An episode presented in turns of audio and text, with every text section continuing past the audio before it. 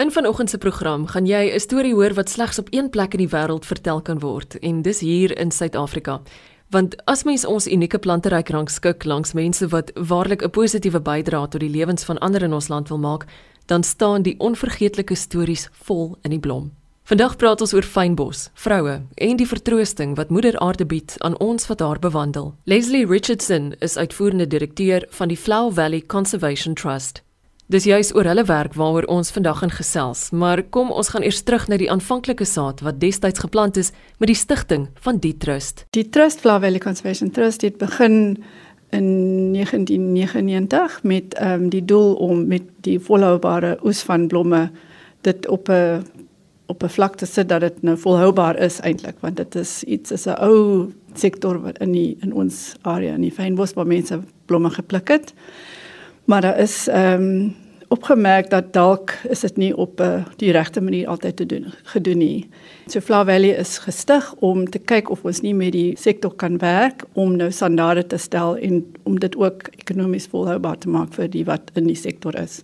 So ons het oor die jare stelsels ontwikkel wat help om eerstens vir die verbruiker te weet en vir die retailers te weet dat die blomme wat hulle verkoop uit die winkels is op die regte manier gepluk en dan ook om vir die mense wat dit pluk om te weet daar is 'n mark vir iets wat nou op daai manier gekenmerk word. So dit was ons oorspronklike projek. Ons het intussen ook ander projekte aange, aangevat, maar ek dink dit bly mos ons flagship projek. Kyk, die fynbos is iets wat ons in die Wes-Kaap en die Oos-Kaap dan probeer bewaar, want dit is waar jy die fynbos kry, maar ons wil baie graag in die toekoms ook met ander tipe produkte wat jy uit die um, veld pluk of uh, gaan haal, wil ons ook met daai tipe industrie werk. Die hoofdoel, as ek ons uh, mission kan gebruik is to have a fynbos filled future so that we want to have that for life and livelihood. So it's a nice strapline I think. Want dit maak die punt dat dit nie net vir die natuur is nie, maar ook vir die mens, vir die gemeenskap dat as ons die fynbos kan bewaar, dan gaan daar in die toekoms ook werksgeleenthede en die gemeenskap kan kos op die tafel sit en kan vorentoe gaan. Dit is ons hoofdoel, maar daar soos ek gesê het, daar is verskillende projekte. Die een gaan oor die pluk self van die blomme, die ander gaan en, en Kirsten kan meer hieroor 'n bietjie gesels is wat is die goed wat dit bedreig? Soos vuur wat te, te dikwels deurkom of uitheemse plante wat ons fynbos oorneem. So ons het ook projekte nou wat daarna kyk en ons het ook 'n early childhood development program waar ons probeer om in die toekoms van ons kinders ook daarna te kyk dat hulle ook bewus is van die natuur en die belangrikheid daarvan. Maar daar's een van hulle ontwikkelingsprojekte waaroor ek veral meer wou weet. Wel in die eerste plek is die die fynbosbedryf is daar's baie vrouens wat in die fynbosbedryf werk. Ek dink die syfer toe ek laas gekyk het was so 60% van die mense wat daarin werk is vrouens. So daar is 'n hele aspek van hulle lewens waarna ons moet kyk wat is kinders grootmaak. Want baie van hulle is enkel vrou enkel ouers wat nou wel as die enigste mense wat die geld inbring in die huis in. En dan wat maak hulle as hulle by die werk is? Waar is hulle kinders? En ons weet in ons in ons distrik is daar te min van die sentrums wat kinders inneem vir vir opvoeding, jy weet die early childhood development sentrums. So Ons het besluit ons gaan daarna aandag gee want dit is dan 'n hulp ook aan die vrouens wat in die bedryf besig is. Daar is 'n opname gedoen in die Oeverstrand waar hulle gesien het dat daar hopeloos te, te min van die sentrums is. So ons het gaan kyk waar kan ons um, ondersteuning gee. So dit is in die vorm van opleiding van die vrouens wat die skooltjies het van hulle het kwalifikasies maar baie van hulle het nie. So ons het nou dit in plek gesit. Ons werk met die gemeenskappe om fondse in te samel om te help met voeding om te help met die equipment vir die skooltjies om hulle op te knap en op te gradeer. Op daai manier om hulle te kry op 'n plek waar hulle kan nou registreer as wetlike sentrums want jy kan nie net kinders inneem en en dit moet die sentrums moet geregistreer wees. So ons help met die registrasie van die skooltjies in die area. So ons werk nou met omtrent oor die 20 van hierdie sentrums van hulle is baie informeel op die oomblik, maar hulle word nou stadig gehelp om geregistreer te wees. Hulle moet sekere minimum standaarde moet hulle handhaaf En die ander probleem is dat baie van hulle omdat dit in 'n landelike gebied is, baie van hulle is nie naby aan 'n sentrum nie. So wat maak ouers in daai geval? Want hierdie is 'n rural economy in baie opsigte. Dis klein dorpies, Baatskiersbos, Gansbaai, Pearly Beach waar die pluk van blomme is een van die enigste uh, maniere wat hulle nou uh, bestaan kan maak. So ons het gekyk na wat of ons nie 'n ander model ook kan gebruik in die meer landelike areas waar dit daar nie vervoer is nie, waar jy kinders bly by die huis of by 'n ouma of by 'n tannie en hulle hulle kyk na 'n paar kinders, miskien 2, miskien 6.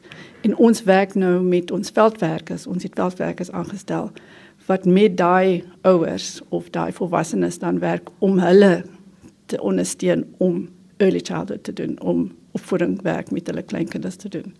So dit is ons home-based care program. So ons het die twee dele, die wat met die sentrums werk in die meer stedelike areas en dan die wat met die home-based carers werk in die meer landelike areas. Kirsten Retief is 'n bewaringsbioloog. Sy's ook deel van die span by die Flower Valley Conservation Trust. Volgens haar is die faasleeftyd van vroue met loopbane in die fynbosmark nou langer as ooit. En as jy 'n nuwe toetreder is, het sy vir jou goeie raad. So my raad is dis 'n verskriklike mooi plek om te werk. Jy werk in die veld, in die berge, in die fynbos, maar dis ook nog 'n moeilike werk en baie van die mense soos Leslie genoem het, is vroumense. En as jy dink, okay, jy pluk blomme in die veld, dit klink baie lekker, maar eintlik dis harde werk tot bo die berg te stap en 'n blom te pluk. Maar terselfdertyd die die gemeenskap waarmee jy werk, hulle sing in die veld en hulle maak dit lekker vir hulle self. Omdat dit dit harde werk is in die veld, jy jy's daar slange en dis baie keer warm of dit reën, so hulle help mekaar om te sing en hulle maak dat dit 'n lekker gemeenskap is in die span self waar hulle kan gesels en sing en dit geniet as 'n werk. So hulle maak 'n familie vir hulle self. Al is dit nie jou familie is nie, jy maak 'n gesin. Dit is verskriklik uniek. Ek kan nie dink aan ander plekke waar hulle blomme van die veld af pluk en dan word dit uitvoer uit die land uit. Baie van die blomme word gekultiveer, so dis dis ge, geboer. En dit is een van die plekke in die wêreld waar hulle dit eintlik pluk uit die veld uit. Ons kry befondsing, ons doen aansoek vir befondsing vir al ons projekte wat ons doen. En dit is die die hoofinkomste vir die werk wat ons doen en en soos ek sê dis dis public benefit so al die befondsing wat ons gaan kry gaan terug in die gemeenskap in. En ek dink dis een ding van die Overstrand en met die Agulhas Biodiversity Initiative projek dit maak in hierdie hierdie rural areas waar daar nie baie geleenthede is vir werk nie, dan kan ons ten minste werkskeping kry deur hierdie befondsing vir daai mense en dan ook opleiding en skills capacity. So die Flower Valley is al daai mense wat ek nou genoem het ondersteun op een of ander manier die die werk wat ons doen en die mense wat ons ondersteun om dit te doen.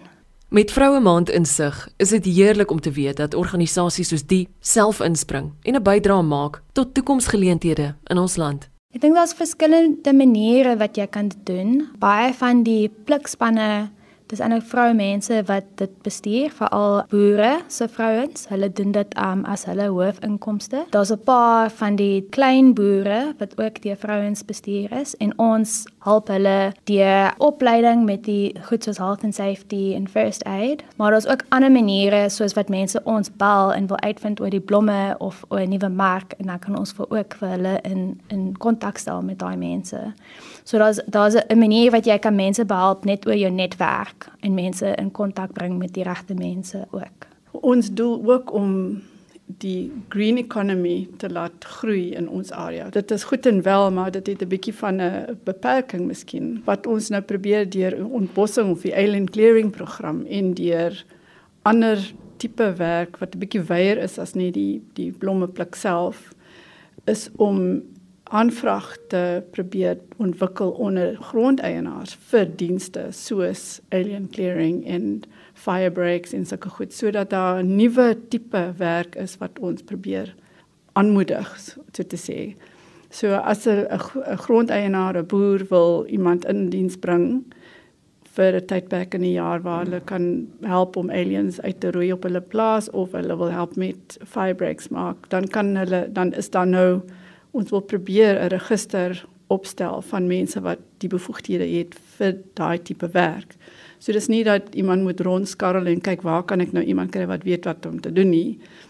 Ons werk nou tot plek waar ons kan dan vir mense 'n lys gee van mense wat opgelei is en wat die bevoegdhede het wat hulle wel kan gebruik vir die kontrakdienste.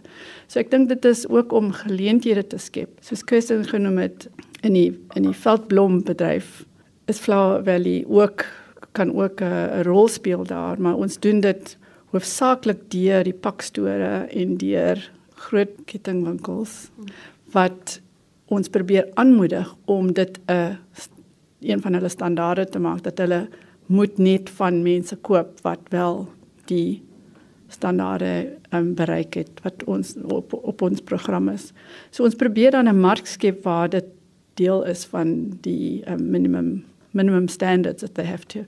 So those are the two things. One is around the alien clearing and the natural resource management services, and the other is around the felt harvesting that we try and create a demand through our work and raising awareness around the need for there to be standards around the way people ha harvest, that people who buy will make sure that they are buying from an accredited or certified picking team. Kirsten Retief en Leslie Richardson van die Flower Valley Trust is twee vroue wat sorg dat entrepreneurs 'n suksesvolle pad in Suid-Afrika stap. Maak reg vir nog sulke stories wat jou gaan bybly en inspireer wanneer ons saam die almanak bladsy oorslaan na Vroue Maand. Luister gerus weer op jou tyd na hierdie program en laai dit af op www.rsg.co.za. Dankie vir die inskakel vanoggend. Ek's Eloise Pretorius en ek hoop die res van jou naweek is 'n mooie. Groete.